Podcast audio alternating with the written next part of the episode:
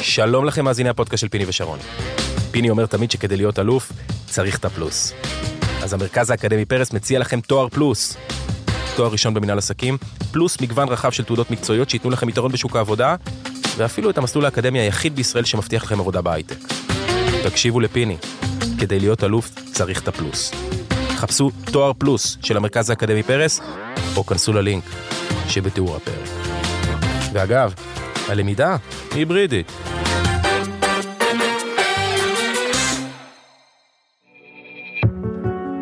שמעון שבס היה האיש הקרוב ביותר ליצחק רבין, זיכרונו לברכה.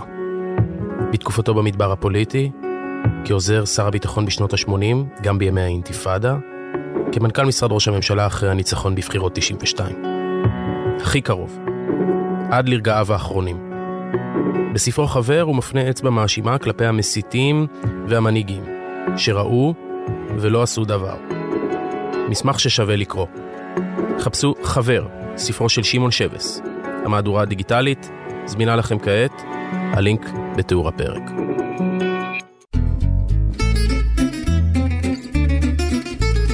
פיני וחברים, עם פיני גרשון ובן שרוני, מבית All In, הבית של הפודקאסטים. אהלן בן, הנה, מה המצב? אין געגועים, אין משהו, אתה... אין, נגמרה הליגה, זהו, נגמר- שכחת. נגמר- היורו לי, כאילו, אני כבר לא סחורה בשבילך. שכחת, אה? טלפון, משהו וזה. שמעתי שאתה עושה תוכנית על... אה, על גליל עליון, משהו על, אה, היית מעורב? על שנות האליפ... תגיד, אני מקווה שיצא לך תוכנית טובה, כי עד עכשיו לא דיברת איתי על זה, ולא ראיינת אותי על זה, ואני מקווה שיצא לך תוכנית טובה, כי אחרת תחפש עבודה. גם באיפה שאתה כותב. והיום הבאתי לך את הגדולה מכולם, נו. גד מגידו, אה, נגעת. גדולה, תרתי משמע. קודם כל, מטר שמונים וארבע, אהלן גת, קודם כל. אהלן, אהלן. אה, הסכמת שיקראו לך גת? שאלו אותי? על שם מה?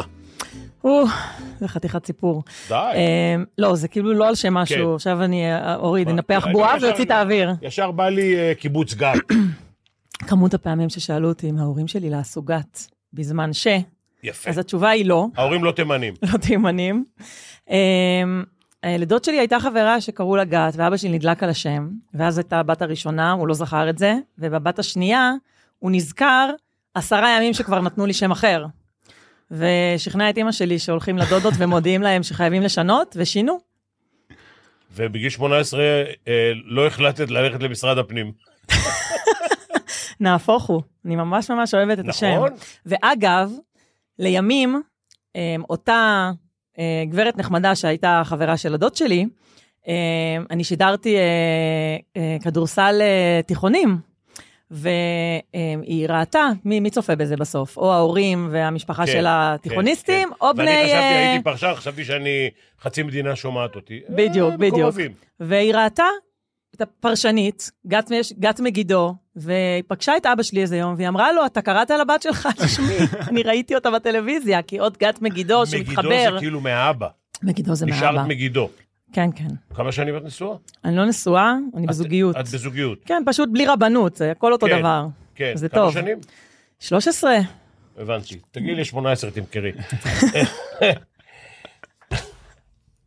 את נהנית מפודקאסטים? כן, האמת זה... שמעת לפני השתתפתי בלא מעט, שחיברנו אותך לעסק הזה? השתתפתי בלא מעט אה, כל מיני כאלה מזדמנים, קצת על השראה וקצת על שוק ההון וקצת על כל מיני כאלה באים והולכים, והאמת שיש בזה משהו קסום, זה קצת כמו איזושהי תוכנית רדיו משלך. נכון? כזה אינטימי, הנה אנחנו יושבים פה בחדר, נורא, נורא כיף. ואת לא מתארת לעצמך כמה הולכים לשמוע אותך. אה, אני- אני, אני, אני הסכמתי להיות פה כזה נלווה, כי אמרו לי שישמעו אותי בזכותך. ממש. מה הקשר שלך לכדורסל? אה, אני שחקנית כדורסל, האמת אי שבש... אפשר לטעות. כן, מה עוד עושים עם 184 רגע, רגע, סנטימטרים? לך, סליחה, יש לך רק בנות? יש לי שתי בנות. אין לי מזל. אני מחפש אימהות מטר שמונים וארבע. אבל אתה רואה, תראה איזה, תקלה רגע קרתה פה. כאילו, אם אין בנות, אתה מזיז אותן הצידה? מה נסגר איתך? לא, רגע, רגע, רגע, רגע. האמת, אחלה נושא לפתוח לכדורסל נשים, אני מרגיש.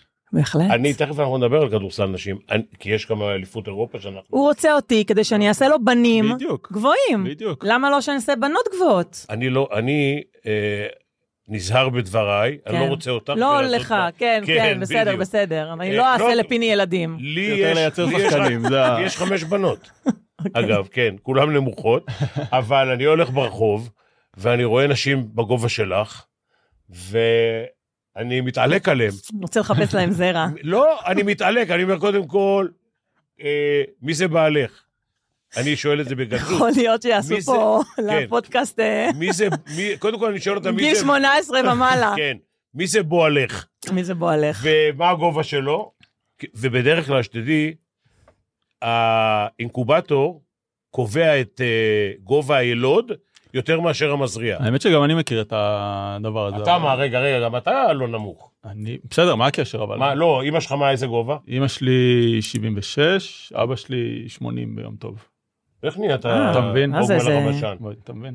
לא, לי יש אפילו סבתא גבוהה לא, את האמת שגם אצלי הסבא וואלה? והסבתא כן. היו? גבוהים. בפולין. הנה, אתה מבין? אז את פולניה בכלל. אני פולניה עם יווניה. אז זה החלק הטוב. היווני השתלט, ולכן החלק הטוב, זה החלק הטוב. לגמרי. טוב, אז היית שחקנית ב... אה, המון ארבע קבוצות. שנים ליגת העל. הייתי בליגת העל, כן. אה, אם אתה אומר ארבע שנים אני זורמת. נשמע נכון, נשמע נכון. זה מה שאמרו לי, אני יודע. ובליגה לאומית. אה, וכמו שאמרתי, לאחרונה עשיתי קאמבק במעבר, נדבר עוד מעט אולי גם על הפיננסים, אז במעבר בין להיות שכירה בפסגות ל- להקים בית השקעות משלי, הרגשתי אוורירי בזמנים, וחזרתי לשחק, שיחקתי השנה במכבי רעננה, בליגה לאומית, וחגגתי בו זמנית 40. לא היה ברור איך זה יעבוד, אבל וואלה, עבד סבבה. היה לך משבר גיל 40? לא. נהפוך הוא, אני, אני גיל 40 עושה לי מעולה. או, פה, כאילו פה, הכל פה, התבשל, פה. הכל, אה, אמרת קודם פה לצוות הטכני, כן. הייתה פה בחורה צעירה, אמרת כן. לה, היא אמרה שיש לה בעיות, אמרת צעירה מדי, אז רציתי לומר, אמרתי לה שהצרות שלה זה החלום שלי. בדיוק, אז uh, אני גיל 40, עשה לי מדהים. כל ה... כאילו המון דברים קרו, אבל בקטע נורא, נורא בשל. יש, לי, יש בי איזה שלווה, ועדיין נשארתי עם הבן זוג בגיל 40, שלא יהיה זה. בוודאי, גם הוא משתבח. או, פה, פה, פה, פה. נהיה לי חם פה. הבעיה בך זה נשמע. נהיה חם באולפן. גד, איך את מגיעה להיות... אה, מה, היית סמנכ"לית בפ- בפסגות? הייתי סמנכ"לית בבית ההשקעות ומנהלת ההשקעות הראשית. מה זה אומר? מה זה אומר? זה אומר שיש תיק של אה, 75 מיליארד שקל. רק. רק. כן, בקטנה. כן. סלח לנו שאנחנו מדברים במספרים הגדולים, כן? זה קטע דרך אגב, כי אני זוכרת את זה בצעירותי. יש בעולם ניהול ההשקעות, יש מן הסתם מערכות מחשב תומכות, כי צריך לראות את הנכסים. דמיינו לכם מה זה לראות תיק, שהשווי שלו זה עשרות מיליארדים, עם איזה אלף שורות. ובכלל, אני זוכרת בצעירותי שראיתי, ניהלתי איזה קופה של 4 מיליארד שקלים, כאילו לראות בס, למטה את המספר, זה מספר שהוא לא באמת נתפס. כמה אפסים יש? אה, ב-4 מיליארד, תשעה. בבקשה, תשעה. טוב, כן, לא נפלתי. זה רק, לא. זה תראה, כל רק- פעם כשאני לא, מתבלבלת להיות בספירות, רגע. רגע, כשאני במגרש, מתבלבלת בכמה נקודות יש לכל קבוצה, אז אני תמיד אומרת להם שאני טובה במספרים גדולים ולא בקטנים, כי כולם תמיד פונים אליי שאני אחשב להם כמה זה 11 ועוד 3, מצפים ממני להיות אה, או אל כל מיני... תגידי את זה לגברים, כי הם ירדפו אחריי. אבל זה עניין של אופי, הרמאים הם אלה שסופרים בדרך כלל, זה לא ה... כשאת אומרת ניהול נכסים, זה רק כסף, או זה גם נכסים? זה כסף, זה בתיק, בתיק פנסיה וגמל יש רכיב שכיר שמשקיעים במניות ואג"ח ומט"ח ונגזרים, ותמיד תהיה לו גם רגל של נכסים לא שכירים, שנראה לי? לשם כאילו, אתה מכוון, שזה נדל"ן. כן, כן, כן? כן, חוזים עתידיים, אופציות, וצד לא שכיר, שזה יכול את להיות... זה עושים- את זה עושים להימור או לא, להגנות? לא, להגנות, להגנות, ממש להגנות, כן, כאילו, גם... לא, גם- כי את אומרת, את אומרת למישהו שלא מבין, את אומרת לו נגזרים, הוא אומר, בואנה, אלה סוחרים באופציות, אני יכול להפסיד כל הכסף. כן, לא, לא. רק הגנות. הגנות, וגם אם זה השקעה, מה שנקרא חשיפת לונג, שזה חשיפה חיובית, בסוף צריך להבין שכשאתה רוצה להיחשף ל-S&P, אוקיי? אה, בתור אה, גוף אה, שזה השוק מוסדי, בארצות הברית. המדד, מדד אה, 500 כן. החברות הגדולות בארצות הברית, אז יש פשוט מוצרים, יש דרך, דרך נגזרים, דרך אופציות לייצר את החשיפה הזאת, לקנות חוזה עתידי למשל, סליחה שאני זורקת פה כל מיני מונחים, כן. שמייצרים את החשיפה. גופים מוסדיים יודעים לנהל את זה, זה לא עכשיו אה, שורטים ומינופים וכאלה, זה פשוט דרכים שהם עבורנו די plain vanilla של השקעות. כשאת אומרת אני מנהלת, את מנהלת אנשים שבודקים את החברות האלה, נכון. ואת אומרת, אני, אני אשקיע בחברה הזאת, פייסבוק, whatever, כי המאזן שלהם הוא טוב. כן, כן, זה ממש צוותים, זה צוות של מניות ישראל, וצוות של מניות חו"ל, וצוות של אג"ח ישראל, ואג"ח חו"ל, וצוות של נדל"ן, גם ריאלי, כמו שאמרת. נדל"ן בחברות או נדל"ן לא, לא, מ- נדל"ן, ממשי? קונים נכסים. קונים נכסים, כן, היום- בניינים, שכונות. אה, היום גופי הגמל קונים אה, מולטי פמילי ובנייני משרדים לפעמים, כאילו גם בחו"ל, לא לפעמים, רובם עושים את זה, יש כן. להם ממש רגל של נדל"ן. כן, המטרה זה לייצר תיק שהקורלציות בו, הקשר בין הנכסים הוא לא כל הזמן אותו כיוון. השוק השכיר מתממש, הנדל"ן עומד במקום, לפחות על פניו, ברמת השמאות. או כן. דברים יותר שקשורים כאילו לכלכלה, הם סייקלים יותר ארוכים, ועצם זה שהם פשוט לא קורים באותו זמן, זה לא אומר שנניח נדל"ן לא ירד, אבל עצם זה שהוא לא ירד בדיוק כשהשוק יתממש, זה כבר כשלעצמו מוריד תנודתיות בפורטפוליו. אבל עכשיו אני אגיד לך מה אני חושב. כן, אני חושב, אה, כשאני בא לשים את הכסף אצלך, ואת משקיעה 25% בנדל"ן, מהמם. בניינים, קירות, אה, התשואה היא, בארץ לפחות, היא 3%. אז רגע, תרשה לי שנייה לעצור אני אותך. ארשה לך הכל. קודם כל, זה מה שעשיתי בפסגות, כי בפסגות ישבתי על פורטפוליו מאוד גדול, זה לא מה שאני עושה עכשיו. אה, בעצם, אחרי שעזבתי את פסגות, שזה היה אחרי העסקה שאייפקס מכרו לאלטשולר את פסגות, והיא די פורקה לחתיכות, אה, החלטתי שאפרופו גיל 40, עוד לא הייתי בת 40, אבל הבשלות הפנימית הזאת של, אה, אין לי דרך אחרת להגיד את זה, חוץ מ... לא נדרש יותר מבוגר אחראי באירוע, אני המבוגר, מבוגרת האחראית, ואני יכולה ללכת ולעשות את זה, ובעצם הקמתי עם שותפים בית השקעות. אה, שנקרא פינסה קפיטל. אז היום, ואנחנו מתמקדים בשכיר, אנחנו נותנים שירותים של ניהול תיקי השקעות וניהול קרנות נאמנות, אנחנו לא קונים בניינים, אלא אה, מינימום השקעה, מיליון שקל. פעם, פעם יכולתי. למה הכוונה ב... לא צריך יותר את המבוגר האחראי ב... יש uh, תהליך שאני נכנסתי לפסגות בגיל 24. אוקיי. כאילו החיים היו לי די ברורים. שיחקתי כדורסל ונורא רציתי אה, אה, להצליח בזה, אבל היה לי ברור שזאת לא הולכת להיות הקריירה העיקרית שלי. אה, ואגב, רק שתבינו, אני שיחקתי ברמת השרון בזמן שעבדתי בפסגות במשרה מלאה. היה לי טימקס, נוסעת על איילון בשוליים, מקווה שמשטרה לא מאזינה לפודקאסט שלנו. יש כדי התיישנות. להגיע, ל... יש התיישנות, תכלס יש התיישנות. אני, אני ישנתי על השוליים. בשביל להגיע ליד אליהו בזמן לאימון, אותו זה- דבר, להגיע לרמת. השרון בבוקר לאימון בוקר, בדיוק. ואז בהצלחה. לחזור, לנהל את החיים במשרד, ואז בחמש וחצי, שש לנסוע לאימון ערב. אמ, אז כל הקריירה הייתה בנויה על זה שיש אה, אופנוע, אם היו לוקחים אותו הכל, המגדל קלפים היה קורס. אמ, לי נקטע לי חוט אז המחשבה. באמת כאילו אני- נראה לי אני שזה ההתבגרות. הזאת. אה, כאילו. ההתבגרות כן. הזאת. אה, אז- אוקיי. ונכנס- נכנסתי לפסגות בגיל, לעולם הזה בגיל 22, אבל ממש לפסגות ל- לעבוד בארגון גדול בגיל 24. בתור מתמחה בניהול תיקים, לעשות רישיון, וזו התפתחות מטורפת, כאילו החלפתי בפסגות שבעה מנכ"לים. הם, היו אה, שני בעלי שליטה משתנים, וככל שאת גדלה, אז כל מה זה. רגע, מה זה החלפת שבעה מנכ"לים?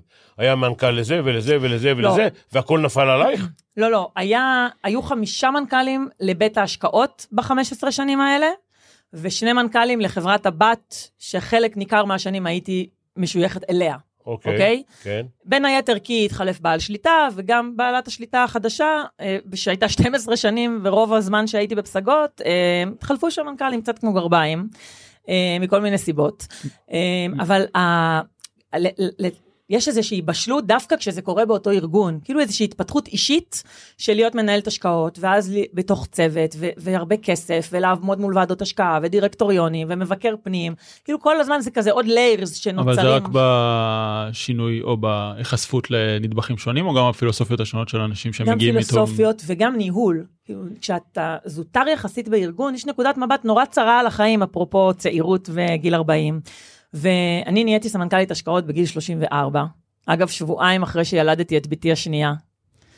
כן. וזה, כאילו, גודל האירוע הוא מאוד ברור, אבל להיות, אני חושבת שאין תחליף ללהיות מספר אחד. אגב, גם השותף שלי בפינסה קפיטל, רן אטיאס, אה, הוא גם היה סמנכ"ל השקעות בתפקידיו הקודמים.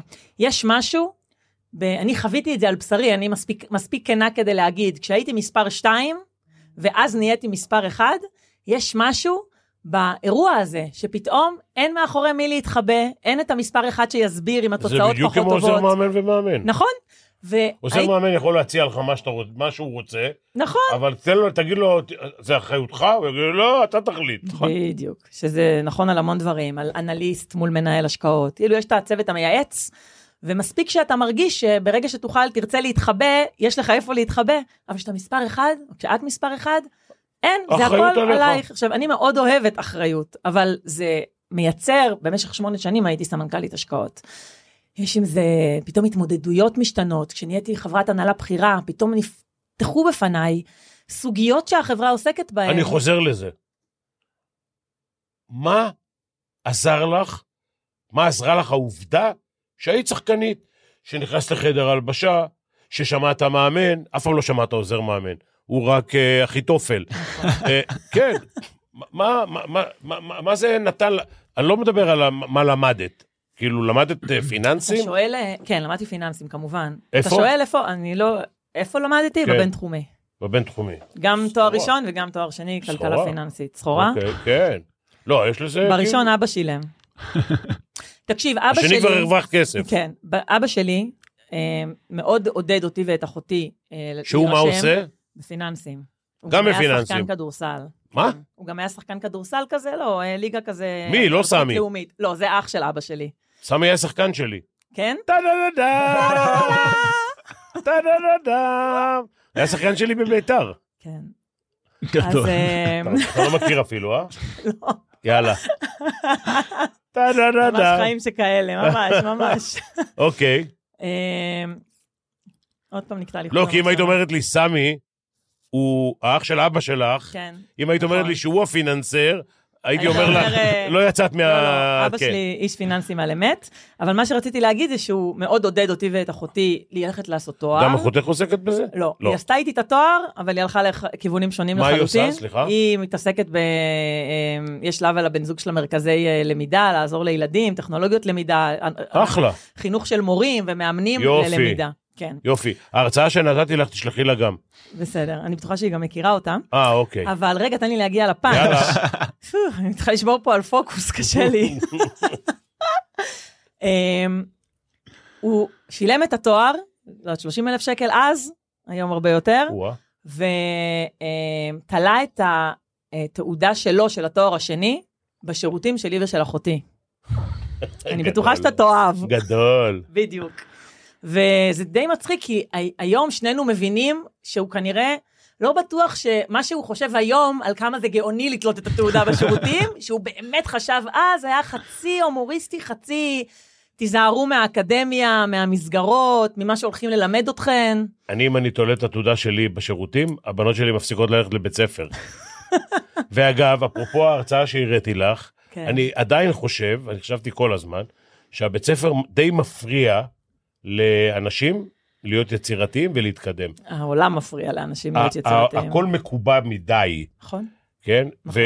ובן אדם, דרך אגב, בבית ספר תיכון ויסודי, אף אחד לא דיבר איתך על פיננסים, ואת תנהלי יום אחד את פסגות, ויהיה לך אה, בית השקעות, אף אחד לא, אפילו לא כיוון.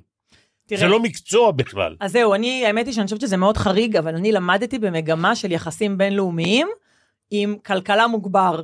אני לא יודעת אם זה עוד קיים, אבל בפועל, בדיעבד, אחרי שעשיתי את התואר הראשון, הבנתי שלמדנו או קורס, או שני קורסים של מיקרו ומקרו על פני כל שלוש שנות התיכון.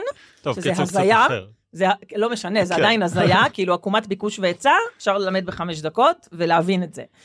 אבל זה כן ישב, אבל מה שהכי ישב זה החוויה עם אבא.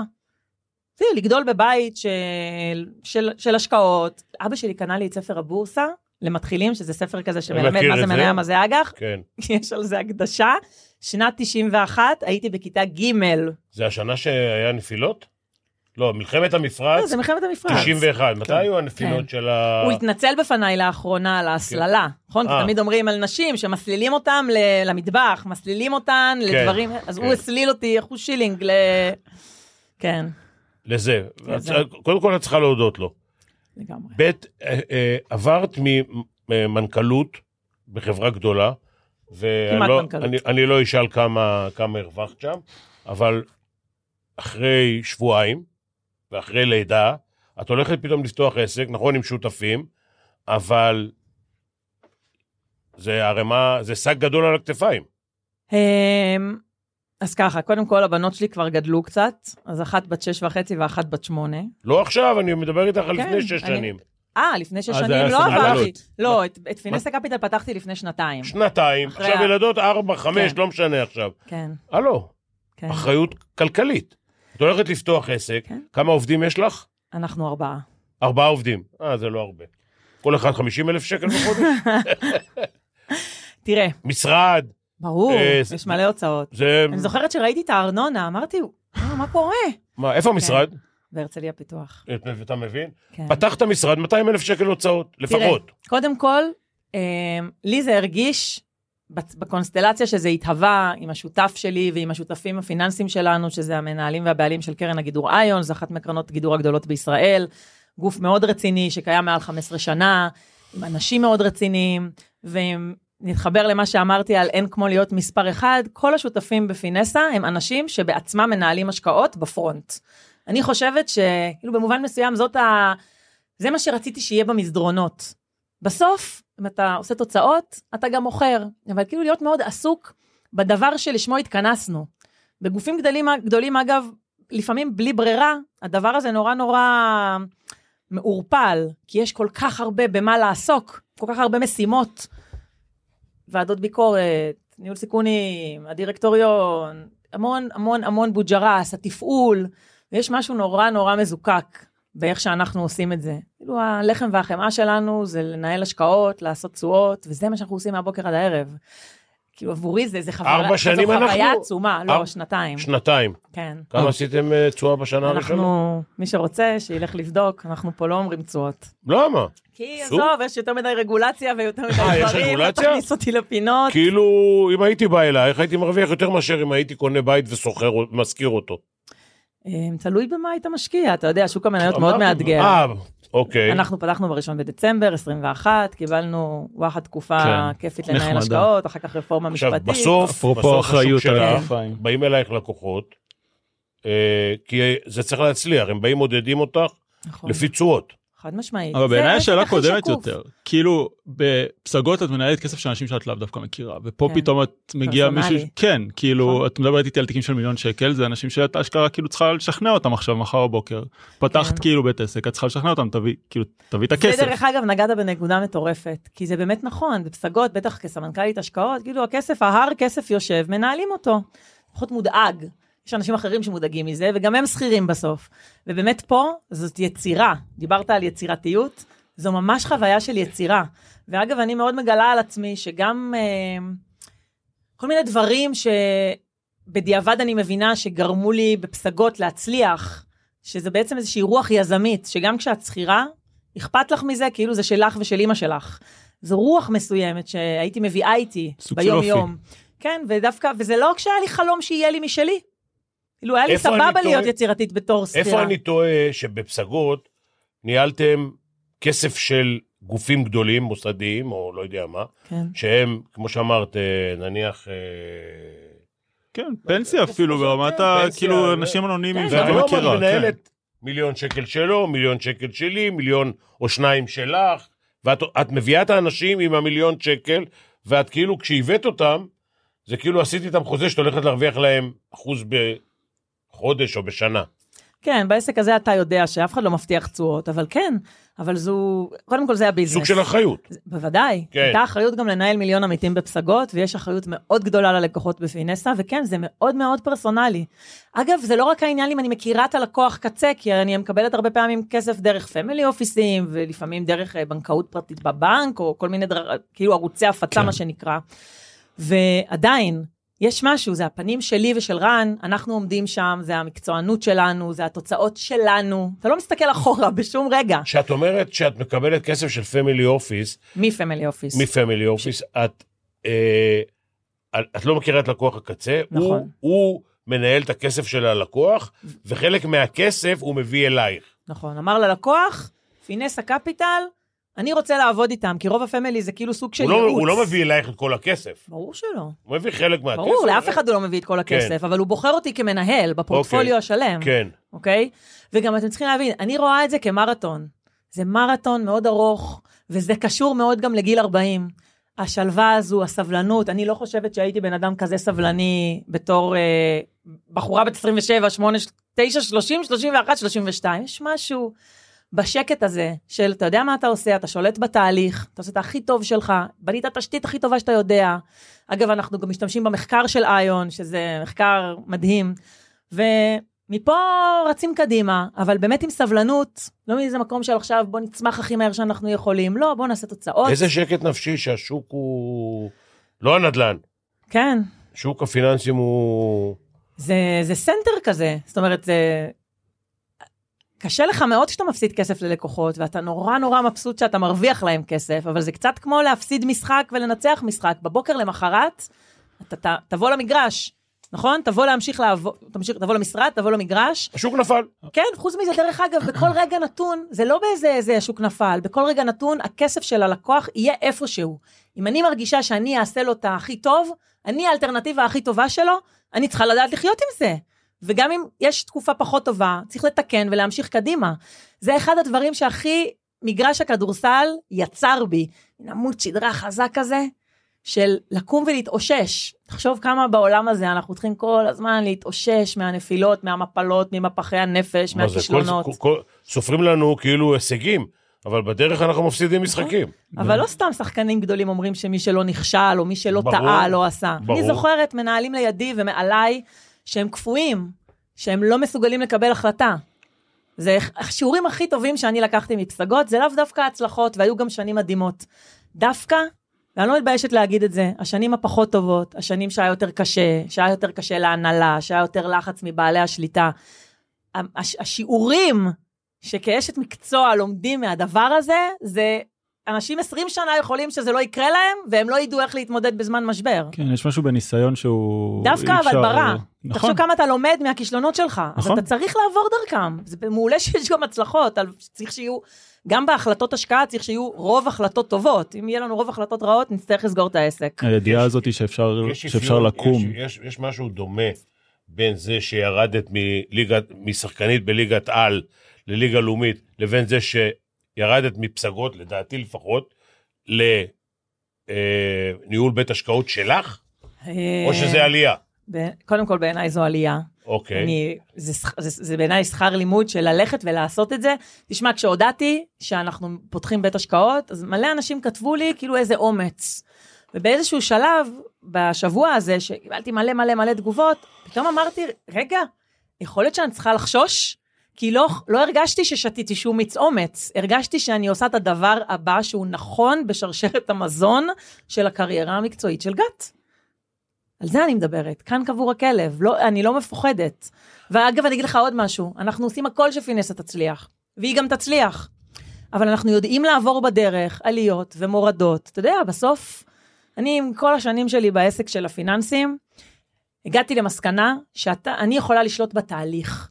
אני יכולה לשים את הקומפוננטות הכי טובות שאני יכולה להכניס כדי לייצר את אותו מתכון, אבל כולנו יודעים, אף אחד לא, לא שולט בקוביד, ואף אחד לא שולט במצב כלכלי או באיזה החלטה של איזה שר אוצר. ולא במלחמה. לא, ולא במלחמה. אז תשלוט במה שאתה יכול ותהיה בו 200 אחוז. כאילו, את קמה בבוקר ויש מלחמה ב...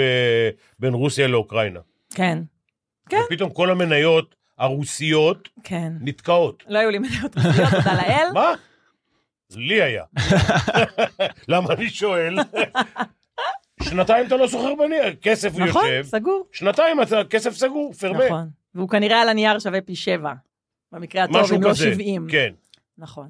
כן, אבל לא, אנחנו... לא, אבל את כאילו, את. קמה בבוקר ליום חדש, יש מלחמה, יש, אה, לא יודע, פתאום יש 31 טריליון חובות בארצות הברית, העולם יכול להזדעזע. אם אה, לפני יומיים לא היה זה, פתאום השוק... אה, כן, לטוב ולרע. יש איזה עולם שלם, זה נכון לסברות פה את כל פילוסופיית ההשקעות, אבל זה פיזור, וזה באמת הבנה, מחקר מאוד מעמיק, והבנה של, אמ, אתה יודע, של לקוחות הפועלים. אנחנו אגב גם, יש לנו תיק, אנחנו, רוב התיק שלנו זה בעצם חשיפת לונג, ואנחנו עושים גם שורטים, כאילו אנחנו מנהלים, עושים, משתמשים בכל מיני כלים אה, קצת יותר מתוחכמים, אבל כן, אתה יודע, זה חלק, מ, חלק מהעולם. אז אני הוא... מקודם אמרתי לך לגבי כדורסל, ואני רגע חוזר לזה, כן, כי אני, אה, אני מלמד את המאמנים שלי, ללמד את השחקנים הצעירים, ללמד אותם, ללמד את הילדים, איך ייראה הכדורסל בעוד חמש או עשר שנים, כי לפני חמש כן. שנים, או לפני עשר שנים, הוא לא היה אותו משחק. והוא ישתנה. כשאת אומרת לונגים, אז את, יודע, את מצפה למה יהיה בעוד חמש או עשר שנים? תראה, שוק ההון לא רץ לחמש או עשר שנים. בוא נודה על האמת, זה בכלל לא קשור, אגב, אפשר לנהל שיח שלם על ישראל ועל התוצאות בגמל שבודקים אותם 12 חודשים, אבל הן מופיעות בעיתון כל חודש, וכמה זה מפריע למנהלי השקעות להיות מי שהם. לנהל את הנכסים באמת לטווח הארוך, זה הפנסיה של האנשים, הם לא באמת לוקחים את הכסף עוד חודש, וזה לא באמת צריך לעניין אותם מראשון בחודש ספטמבר X. כן. אבל דווקא מה שאתה מדבר על השינוי הזה, עולם ההשקעות, שוק ההון שאבא שלי התחיל בו, ושוק ההון שגם אנשים שנמצאים היום בשוק, שכירים, עובדים, מנהלים, בעלים, הוא לא אותו אחד. תחשבו רק על זרימת המידע. כשאני התחלתי בפסגות, אני זוכרת שהיה את העניין הזה של איך היו שואלים אותנו, איך אתם מנהלים חו"ל? הרי אתם בהגדרה עם פחות מידע. מישהו יעז לשאול את זה היום? המידע סימטרי, תלוי כמה זמן יש לך לקרוא אותו. כולם יש להם את המידע. שוב, חצי מהשוק מתנהל בטוויטר, אתה קורא את הדעות של מנהלי קרנות גידור וכל מיני בלוגרים באונליין, אתה ואיזה קומויקו בהודו, זה לא משנה, זה לא משנה מי אתה. כאילו הכל, העולם משתטח מהבחינה הזאת של הנגישות. מצד שני, עכשיו זה too much information וצריך כל הזמן לדעת במה, במה להתעסק. שלום לכם מאזיני הפודקאסט של פיני ושרון. פיני אומר תמיד שכדי להיות אלוף, צריך את הפלוס. אז המרכז האקדמי פרס מציע לכם תואר פלוס. תואר ראשון במנהל עסקים, פלוס מגוון רחב של תעודות מקצועיות שייתנו לכם יתרון בשוק העבודה, ואפילו את המסלול האקדמי היחיד בישראל שמבטיח לכם עבודה בהייטק. תקשיבו לפיני, כדי להיות אלוף צריך את הפלוס. חפשו תואר פלוס של המרכז האקדמי פרס, או כנסו ללינק שבתיאור הפרק. ואגב, הלמידה היא היברידית. יש אה, לפני, לדעתי, עשר שנים, יש איזו חברה, או אפילו יותר כבר, ששמה מחשבים גדולים מאוד כן, ליד הבורסה בארצות הברית, והם יודעים לפנייך. כן. והם גם יכולים גם להזיז, המכ... המכונות זה דוגמה מעולה. הם יכולים להזיז את השוק. לא, השאלה הבאה שלי כן. היא ה-AI, איך ישפיע על המסחר בעוד חמש שנים. כן, זו שאלה, זו שאלה טובה. מה מוכנים לזה, שרואים- לא מוכנים לזה. תראה, אנחנו בחלקת האלוהים הקטנה שלנו, אנחנו לא נמציא את הפתרון ל-AI כנראה.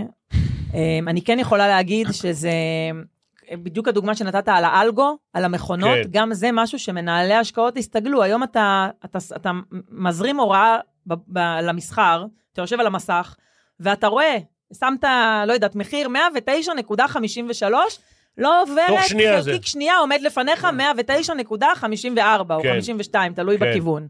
אז אתה יודע שיש מכונות, אתה לומד לחשוב עם זה. אתה לומד להגיד, טוב, פה יש מכונה, אוקיי? ואתה חושב איך, ת- איך, ת- איך, איך אתה פועל מול הבוק, איך, אם אתה רוצה לשים, לגלות את עצמך, או אתה מסתתר מתחתיה, כאילו זה, באמת לומדים לעבוד עם זה, כי זה קיים. חוץ מזה שבעולם המוסדי, המון עסקאות עוברות עם ברוקרים, עם כל הטייקון ככל שתהיה, אנחנו רוצים לעשות עסקה, לפעמים אנחנו קונים בשוק, בטח כשמנהלים סייזים גדולים. אתה, יש מה שנקרא ברוקר, עומד בצד השני, מחפש, אתה רוצה לקנות 30 מיליון שקל במניית X, כי ככה זה כשמנהלים מיליארדים, מחפשים לך את היד, מחפשים לך את המוכר, אוקיי? ואז עוברת עסקה, קוראים לזה עסקה מתואמת, ואתה לא רב עם המכונות. כאילו מסכימים על מחיר מח- בחוץ, אנושי, ואז מעבירים אותו בבורסה. אם אתם, אם את מדברת על 30 מיליון, זה רק מניות שיש בהן גדולות, כן. גדולות. כן, כן, היום אנחנו, אני מודה, אנחנו מנהלים 260 מיליון שקל, זה לא הטיקטים שלנו, אבל המסחר היותר מתוחכם, שצריך להעביר סייזים, אתה לא רב עם המכונה, זה מה שאני רוצה להגיד. אנחנו יותר בוטיק, יותר קטן, שזה אגב נותן גמישות אה, מאוד גדולה, בטח בשוק המקומי. זה סיפור לא קל, החיבור- הסיפור הזה. מה זה לא קל? חבל על הזמן. כאילו... בגלל זה אבא שלי התנצל על ההסללה. כמה, אבל לא נראה שאת סובלת, זה לא... לא, אני אוהבת את זה. כמה, מאוד. כמה מזל את צריכה שהיה, שהיה לי ואת צריכה ממנו. קו העונשין. את עומדת על קו העונשין עכשיו, צריכה לקלוע או ל... את מחטיאה, את מפסידה, את... כן, כן. יש לך את זה. קודם כל בהשקעות מזל, אף פעם לא אומרים לו לא. זה תמיד טוב גם מזל. גם כשיש לך תזה, יכול לקחת לה שנתיים להתממש, ויכול להיות שעם קצת מזל היא תקבל איזה... השירים אומרים 90 אחוז מזל, 10 אחוז. שכל. הטייקונים. אומרים 100 אחוז מזל. 100 אחוז מזל. כן. זה הכנים מביניהם. אז את הולכת לחפש את המזל. לצד, אה, אתה יודע, עכשיו אני צריכה לענות לצד אה, מחקר ומקצוענות וניהול השקעות ולהיות בפרטים, אבל מזל לא מזיק. האם אה, אנץ או גנץ, שיש להם חברה מסוימת, שהם חושבים כן. שהיא תרוויח, ויש להם משהו מאחוריהם, פטנט או משהו, הם, הם פונים אלייך, אומרים, בואי תשקיעי אצלנו, בעולם. אז בעולם, את העולם הפרטי, בתפקידים הקודמים, בהחלט כן, היום אנחנו רק במה שכבר הגיע לבורסה. לא, אני, אני מדבר בכל מקרה בבורסה, אבל אה. תשמעי, אני, כן, יש. לי, יש לי עסק, חברה, במקרה חברות. ציבוריות רוצות, בדרך כלל, לא כן. כולן, אבל רובן רוצות, רוצות לספר. למנהלי השקעות מה הן עושות, למכור את הסיפור, את מנועי הצמיחה, ברור, רוצות שישקיעו בהם. כן, זה מעלה את מחיר המניה, אתה יודע. אני, אם, אם את קונה 30 מיליון, כן. לא, באופן כללי, אתה כי יודע, אני ביקושים מעלים את ב-3,000, מחיר המניה. 4,000.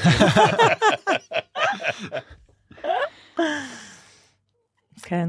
את האמת שאחד הדברים שפיני נגע בהם מקודם זה באמת אולי ההבדל הזה בין ליגת העל לליגה לאומית. אני כלכלה אולי למרות שבאתי מבית כזה פחות uh, מעניין אותי יותר הסיפורים האנושיים ובאופן כללי איך אנשים הופכים להיות מה שהם הופכים להיות. ובעיניי אולי דווקא זה גם יכול להיות איזושהי מראה מעניינת לקריירה העסקית שלך במובן שמצד אחד בליגה בליגת העל אני מניח שמי שבפרונט הם בדרך כלל הזרות ואני מניח נכון. שעל העמדה שלך ממש על מגיעות. העמדה שלי, לגמרי. לא מעט זרות נכון. ופתאום בליגה לאומית את מקבלת את הבמה גם בתור מי שאולי אין לה תחליף בהקשרים האלה. אגב, ליגה לאומית אין זרות. אין זרות. אה אין. זרות? כשאני התחלתי, הייתה טינה שרפ, שיחקה בהפועל תל אביב איתי, אשתו של דרק. אבל אחריה כבר לא היו זרות, וזה וואלה. 20 שנה. אין אתה מכיר זרות. את הסיפור של 2004? אתה לא מכיר. אה.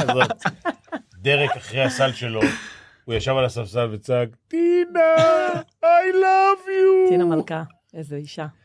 איזה שחקנית. תשמע מדהים. וואו, איזה יכולות, אני זוכרת, הייתי מסתכלת עליה בתדהמה. תראי, הבן אדם אבל אחרי... כן, מה שאתה אומר, טוב. כן, את זה אפשר להשוות. את העניין הזה של, אה, של לעבור ממפלצת ללהיות קטן ולהיות ש... טוב, כאילו זה ממש, זה לא, בעיניי זה לא, כמו שאמרתי, זה לא שינמוך. אה, זה בחירה להוביל, כן, חד משמעית. אתגרים חדשים יכול להיות. בדיוק, הקטע הוא ש... כאילו, הקטע הזה של לסגור כל הזמן, אתה, להיות הזנב, ואני לא מתביישת, אני בליגת העל הייתי הזנב, זה במובן מסוים, את מתאמנת נורא קשה, וזה בסדר, זה הטופ, כאילו, היה לי נורא נחמד להיות שם, אבל יש משהו בחוויה שצריך בקריירה אה, לקבל את הסיפוק של אני עשיתי. זה בסדר בתוך קבוצה, אבל זה שלי, אני אקח על זה אחריות, אני אדע לאבד את הכדור ולהפסיד את המשחק, ואני אדע לקלוע את העונשין ולנצח את המשחק, וזה יהיה אני. זה לא מישהו אחר, זו אני. ובחוויה האישית שלי, אני לא כל כך יודעת אחרת. אמ, זה... אני רוצה להיות שותפה פעילה. מאחר ולא היית מאמנת, אז אני אשאל אותך, מה זה יצירתיות בשוק ההון? אני חושבת שיצירתיות באופן כללי, זה, זה מתחלק גם בשוק ההון, זה מאוד מאוד בולט. אגב, זה גם מאוד נכון במגרש הכדורסל, זה הרי בסוף צריך לקבל המון החלטות בזמן אמת. ואין החלטות איכותיות. החלטות נכונות, החלטות לא רק החלטות. איכותיות. נכון, החלטות אנחנו מקבלים בכל מקרה, גם כשאנחנו. לא מקבלים, נכון, אנחנו מקבלים. נכון. כמה החלטות מאמן. מקבל במשחק? גם כשהוא לא משנה, כמה החלטות? וואו, לא הוא כמות צריך מטורפת. פה להוכיח את הנקודה נו. כן. 200 250 החלטות. מטורף. גם כשמאמן לא מקבל החלטה זו החלטה. בניהול משחק, ברור. הוא מקבל החלטה. גם כשמנהל השקעות לא משנה את הפורטפוליו, יפה.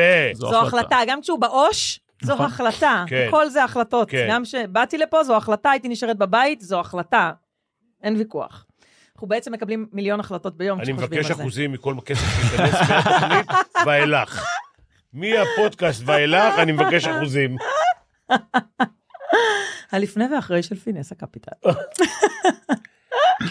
איפה אז- היינו? אז היינו בהחלטות, בהחלטות. ביצירתיות. אז אני חושבת שהיכולת להחליט בזמן אמת, במצב של אי ודאות, אגב זה, דיברנו על השקט הנפשי, ההבנה שאתה לא יכול לדעת את מה שעוד לא קרה. וזה שבסוף יבוא לקוח ויגיד, איך לא ידעתם ש... אוקיי? יש איזה שלב שמפסיקים להתגונן, כי לא ידענו ש... כי באמת לא היה ידוע. והיו לנו הערכות, ופעם הערכות נכונות, ופעם הן לא נכונות, ופעם הן צפויות, ופעם הן פחות צפויות, ואולי אפילו מפתיעות מאוד. אבל ההבנה הזו של, זה בדיוק מתחבר ל- לעשות את הכי טוב שלך, לעשות את ה-best effort, לשמור את כל הכלים, אבל בסוף, בדבר הזה שהוא אינו ידוע, אוקיי? הוא אינו ידוע. ואז אני חושבת שהחלטות בזמן אמת, טובות, זה מאוד מאוד חשוב, כאילו היכולת הזאת לחתוך, לעשות ככה או ככה, כי באמת כל דבר זה החלטה. והדבר השני, זה לחשוב מחוץ לקופסה. ומה זה אומר על לחשוב מחוץ לקופסה? כי כולם אומרים שהם חושבים בגדול מחוץ לקופסה, אבל הם כלואים בתוך הקופסה בפועל. זה לנסות כל הזמן לאתגר את התזה. כאילו, לנסות לראות איפה השוק טועה, או אולי איפה הוא צודק ואתה מצטרף אליו.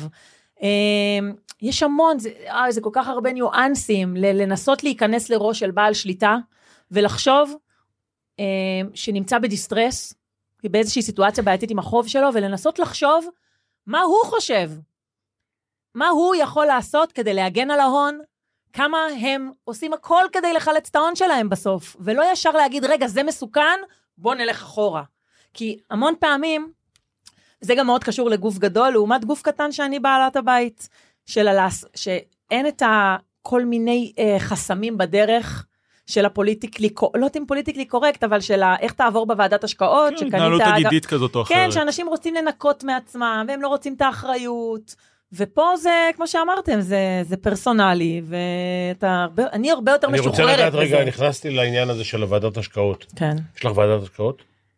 לא. לא, יש בפסגות. בגופים גדולים יש ועדות השקעה. בגופים גדולים יש ועדות. כן. מה זה אומר? שיש 15 איש, או עשרה? לפעמים גם חמישה, לא, לא, זה בדרך כלל בין חמישה לשבעה. שבאים אליהם, אומרים להם, תקנו בנק לאומי. לא, לא, לא. זה ועדות אלא? שעושות אלוקציה, הם בעצם... מה הם עושות? אלוקציה, אלוקיישן, כאילו את, ה... אוקיי. את המלמעלה של טוב הפורטפוליו. שבא- טוב האחוז- שהבאנו אותך. כן. מה אחוז המניות, אמ, אמ, מאשרות עסקאות פרטיות. כשאתה קונה בניין, אתה מביא את זה לוועדה. אוקיי. אתה לא מחליט לקנות בנק הפועלים והולך לוועדה לשאול. הם לא, מתער... לא אמורים להתערב בנכס בודד, הם בקושי מקבלים תצקירות על ענפים.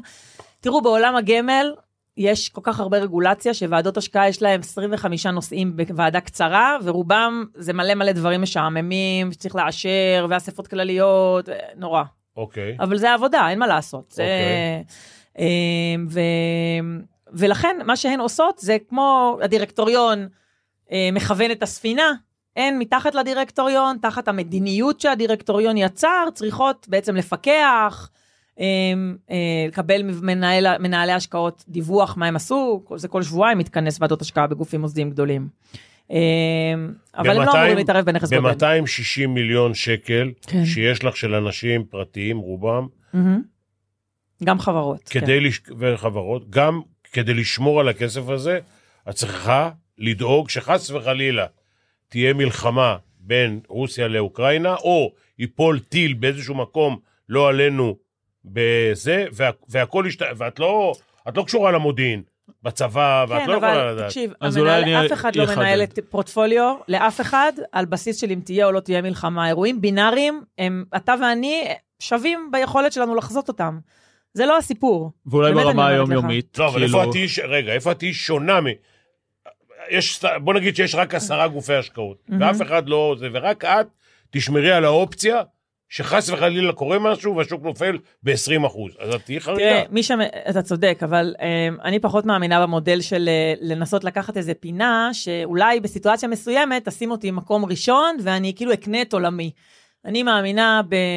ב, ב באמת, לא עכשיו בשבוע הקודם, אני צוחקת קודם על המחקר וזה, נורא על שיטת מה שנקרא בוטום אפ.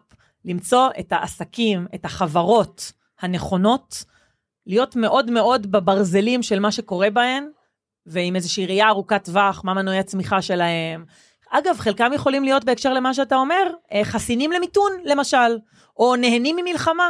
גם השוק לא, מד- כמה שהשוק נהיה מהיר בטירוף בשנים האחרונות, וכאילו נורא מהר מגיב לדברים. משתנה. אם אתה מהיר החלטה, אז גם כשקורה משהו, תיקח את הרפורמה המשפטית. כן. הדולר עשה וואחד מהלך. גם אם לא קנית ביומיים הראשונים, יכולת לחשוב שאם תצטייד בדולרים, זו הגנה לא, לאירוע, כן, אוקיי? אז כן. אותו דבר, לקנות חברות אה, של אה, ביטחון ו, וציוד תעשייתי. יש, יש כל מיני דברים שכבר כאנשים שעושים השקעות, כמו שאתה יודע להגיב, המאמן של הקבוצה השנייה עולה באזורית מסוימת, אתה יודע איזה פתרונות יש לך לדבר כן. הזה, אז אתה יודע, גם לנו יש מלא תרחישים, ויש כל מיני סוגים של פתרונות. אז שאלה קשה, העני- ה- ה- אגב, בגלל זה אמרתי, העניין הוא הלא לקפוא. שאלה קשה.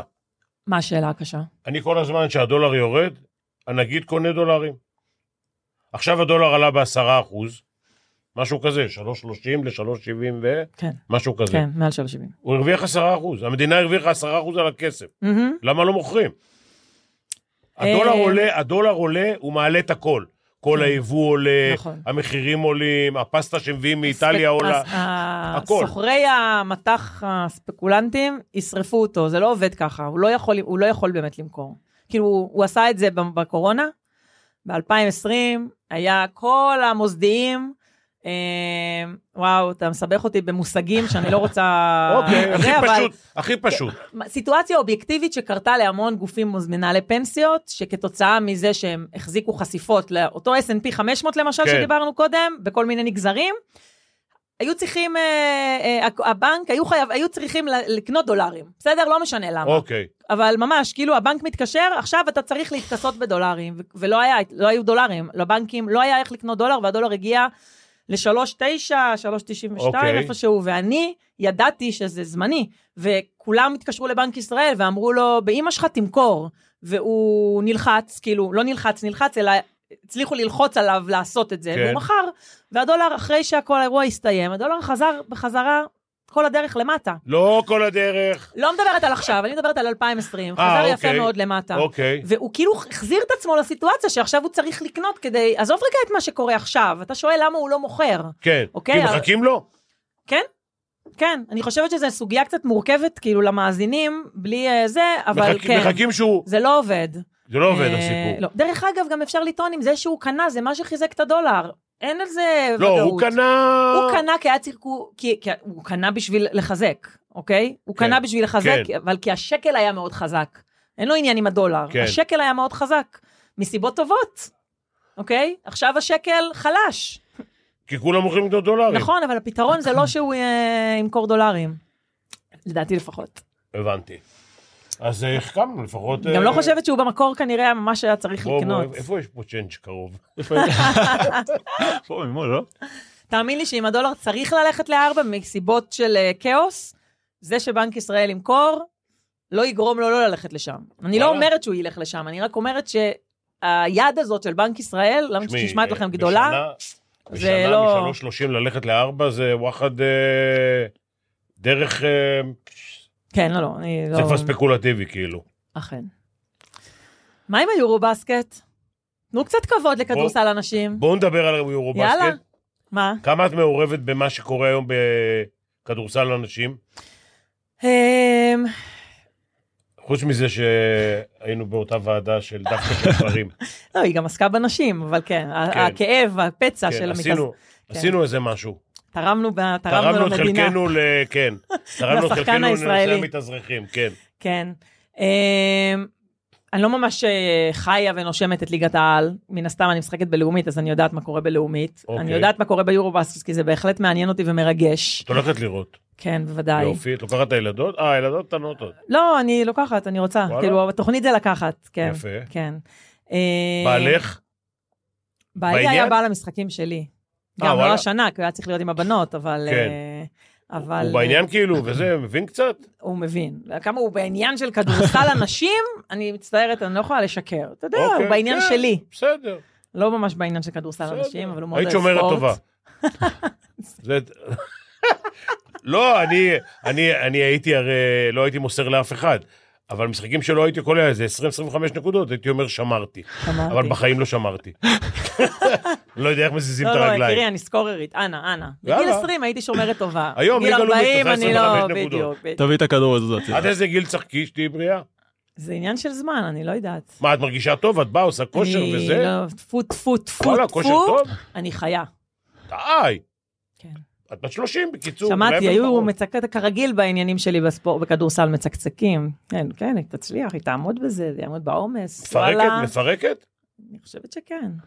יאללה. תמיד אה, אפשר יותר טוב. תמיד יש לי אי נוחות, כי תמיד אפשר יותר טוב. זה נכון. אבל לא, בוודאי... יש גיל שזה... לא, לא, אני לא מפורקת. הגוף עוצר אותו. תודה לאל, אני איני מפורקת. טוב, אז רגע, בוא נלך רגע לכדורסל הנשים. כן, אז אה, נבחרת ישראל... שהביאו שתי כן. מתאזרחות, וכנראה שהם יצליחו. תראה, הנבחרת... יותר ממה שהצליחו עד היום. אה, קודם כל, יש נבחרת מאוד צעירה. אוקיי. אה, וגם חלק מהמשחקים יהיו בארץ. נכון. מה זה חלק? לא, הבית של- הראשון, הבית של ישראל. הבית של ישראל יהיה פה. כן. הן עדיין, אני חושבת, צריכות לעשות, אה, זאת אומרת, ניצחונות וכולי, זה יהיה בגדר אה, הפתעה חיובית. כמובן שאני חושבת שקודם כל בכדורסל או בספורט, בכל משחק נתון, הכל פתוח. ואני חושבת שזה כאילו, זו חגיגת כדורסל. ואני דווקא חושבת בהקשר הזה, אה, שנורא מסקרן אותי, ואני לא באיגוד, אני לא יודעת את התשובה לזה, אולי לך יש את התשובה. איך יש, שם- שמו המון כסף בכזה אירוע, בצדק, בעיניי לפחות, וזה באמת מאוד מאוד חשוב, ואני רואה שהם מנסים לפרסם ולתת לזה הד. מה הדבר הבא? כאילו, איך לוקחים את האירוע הזה, אתה היית חלק אני פיני אגיד לך. באירועים כאלה, אני אגיד לך. איך הופכים את זה אני אגיד ל- לך, אני אגיד לך, אני אגיד לך. קודם כל, צמיחה של שנים? קודם כל התמיכות, התמיכות, הטורניר הזה, מלבד איגוד הכדורסל משקיע בזה כסף, כן? אבל גם אה, מינהל הספורט וכולי וכולי, וגם אתנה ואני לא יודע כל הזה. תקשיבי, ואני אומר את זה כבר שנים. אני אומר, אם אתם נותנים כסף לכל אגודה שמקבלת כסף, שתביא 300 ילדות לשחק כדורסל. לפני זה, אל תוציאו שקל. והבעיה, שמוציאים שקל ויותר לשחקניות זרות, לזה. על הספסל יושבות שלוש ילדות מסכנות, שנותנים להם פה ושם דקה, שתיים לשחק, כדי ללא יודע מה, אבל בשביל להוציא, תראי, אני אומר שני דברים. אחד, למה רק 20% מהשחקנים הרשומים באיגוד הכדורסל זה נשים? נכון. רק 20 אחוז. יש 50-50 באוכלוסייה, אולי אפילו יש יותר נשים. 51 אחוז נשים. 51, הנה בבקשה, היא יודעת. כי הן בטח משקיעות גם. לא, אבל הנה, יש 50, בוא נגיד 50-50. לא רוצה ש-50 אחוז מהזה, אבל באיגוד הכדורסל, כמו בכל דבר אחר, אני רוצה, את שותפה של גבר, הוא לקח אותך שותפה ואת לקחת אותו, זה לא משנה. אני רוצה שלפחות 40 אחוז, את יודעת מה, תקחי 35 אחוז מהרשומים באיגוד הכדורסל, יהיו נשים. מזה נתחיל. עכשיו, כדי להביא, אני יכול להגיד לך שאני פעם הייתי מנהל מקצועי בחבל מסוים, ואני הלכתי, נכנסתי לכיתה, הפסקתי את השיעור, אמרתי למורה, תעצרי את השיעור, והוצאתי ילדים מהזה. אמרתי, מי רוצה לשחק כדורסל? אז הבנות, כל אחת כבר הסתובבה. הבנים, הבאתי מכל כיתה ארבעה, חמישה, שישה, לא יודע מה, ומ-50 ילדים בבית ספר לכדורסל, נהיה 250. אתה יודע, זה דבר מדהים בזה. הסיפור הזה של כן. להיכנס לכיתות. הבת שלי, בת שש, היא לא התעניינה בזה שאני משחקת כדורסל. והשנה היא עלתה לכיתה א', באו אליה הפועל תל אביב, שעושים עבודה מטורפת עכשיו בלייצר תשתית לילדות. גם מכבי תל אביב. נכון, מכבי כבר עושים את זה כמה שנים. כן. באמת שתי, שתי אגודות שכאילו לי תמיד כאב, שבתל אביב אין, אין כדורסל נשים, היה פעם, כשאני שיחקתי ואין. הלו, עוד לפני שאת, כאילו יש בני יהודה דרך אגב, לא חס לפני בני וחלילה לא יהודה לפגוע. ולפני זה, מכבי תל אביב הייתה יודעת. אלופה know. עשרות שנים. נכון, אבל זה מישהו, לא אגיד את שמו, אני, החליט שזה לא כדאי, לא שווה, לא מעניין, כן, וזה נעלם. ואז הם נכנסו לכיתות וחילקו פליירים של הפועל תל אביב, וכאילו קרה משהו קוסמי, הבת שלי באה הביתה, קטנטונת כזאת, מראה לי את הברושור, ויש מין גאווה בה שהיא זומנה, מינימום קיבלה זימון לנבחרת. של הנכדה שלי עם כדור ירוק ו... ובגדים ירוקים, מכבי חיפה, משחקת כדורסל. אבל זה, זה אומר שיש את ה... יש את ה... צריך לעבוד בזה, זו עבודה מאוד קשה. ואגב, אני רוצה להוסיף למה שאמרת. אני חושבת, אוקיי. אתה אומר, יש 20 אחוז נשים, אני חושבת שזה צריך להיות, יש, אני חושבת, חוק בתקנות, באיגוד איפשהו, שקבוצת בוגרים, מי שיש לו אגודה עם בוגרים, צריך שיהיה לו נוער או מחלקת ילד... אה, זה נכון גם בנשים וגם בגברים. בעיניי, לא משנה שזה, אני יודעת שזה לא נאכף, בעיניי, אסור, אז שצריך לשבת על הברז של הכסף, כמו שאמרת, ולא לתת כסף, אבל לדרוש גם מאגודות של גברים, וכמובן משל הנשים, גם להחזיק, שהעובדת גברים צריכה להחזיק בוגרות נשים, באיזושהי ליגה לכל הפחות, ולהחזיק תשתית של אה, ילדות. אין ספק בכלל. זה כאילו לא הגיוני בצורה כל כך, ואני רוצה להגיד לך, אני אצטט לכם מחקר. רגע, אני, אני אספר לך עוד סיפור, אוקיי. על, על, על, הב- יש לי בנות. שהבנות שלי, אה, בגלל שבבית ספר היה חוג לג'ודו, הלכו לג'ודו. ואני, הזמינו אותי, הרשקו הזמין אותי לאיזה אירוע של ג'ודו, והיו 50 בנות בווינגייט. וואלה. והלכתי שנה הבאה, שנה אחרי זה, היו 300. למה? למה בכדורסל? קודם כל צריך לשפר את החלון ראווה גם. נכון? של הליגה וליגה לאומית. כן, אבל ילדה בת שש, באה לא כי. החברות שלה באות, היא לא יודעת נכון, שיש... אה, נכון, זה. נכון, הנכדה שלי. העבודה הולכת- בלשמר אותן קשורה ללהראות שיש איזושהי דרך. אופק ומתחילים לאיזשהו וכולי. נכון, נכון. וזה, קודם כל צריך להביא את הילדות. נכון. להביא אחת, היא תבוא עם ארבעה, וככה יעשו כל... אה, אבל ככה אנחנו... איפה אתן? איפה אה, אנחנו? תורנית, איפה אתן? זה הסיפור. לקחו נשים, שמו אותם בוועדה מקצועית, אה, נתנו לכם במה, יאללה. דרך אגב, אה, אה, באס, לא אסה ירושלים, זה, לא יודע מה זה בירושלים, לקחה מישהי, כן. עשתה לא אגודת אה, נשים, הצליחה לעלות לליגה. זה הזמן לברך אותן על- על- על העפלה לליגת העל, לקחו ליגת אליפות. ביום שישי. כן. נכון?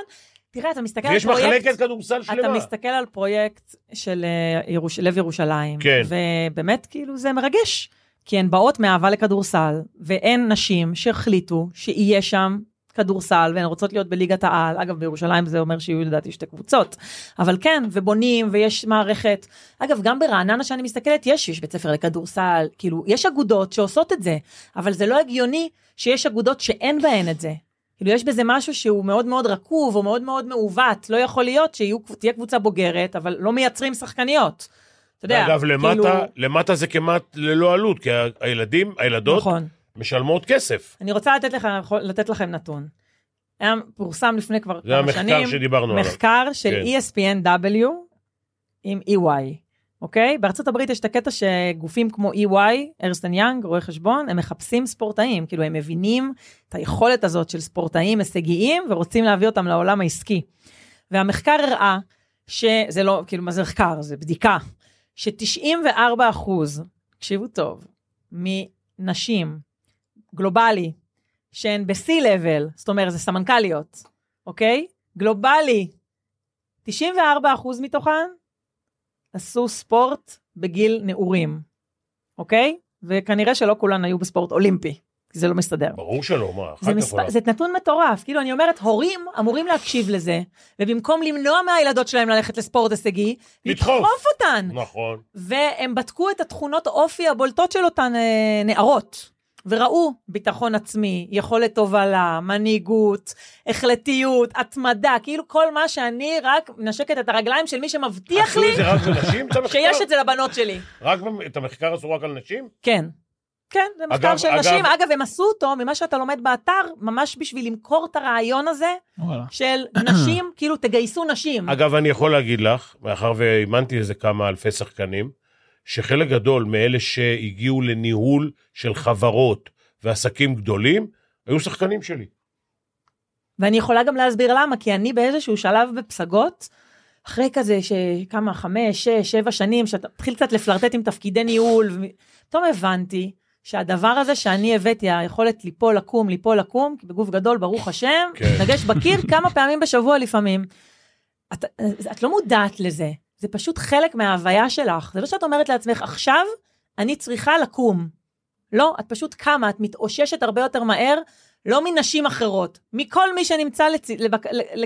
לידך. גם גברים. בדיוק. את הרבה יותר יוזמת, את הרבה יותר, בסדר, זה גם האופי שלי אולי, אבל יש דברים שהכדורסל והמלחמה הזאת, אני קוראת לזה הלדחוף גופות של זרות. אמרת, זה נכון. אמרת פתאום ברעיון ארבעה דברים שאני אומר למאמנים, או מרצה גם ב...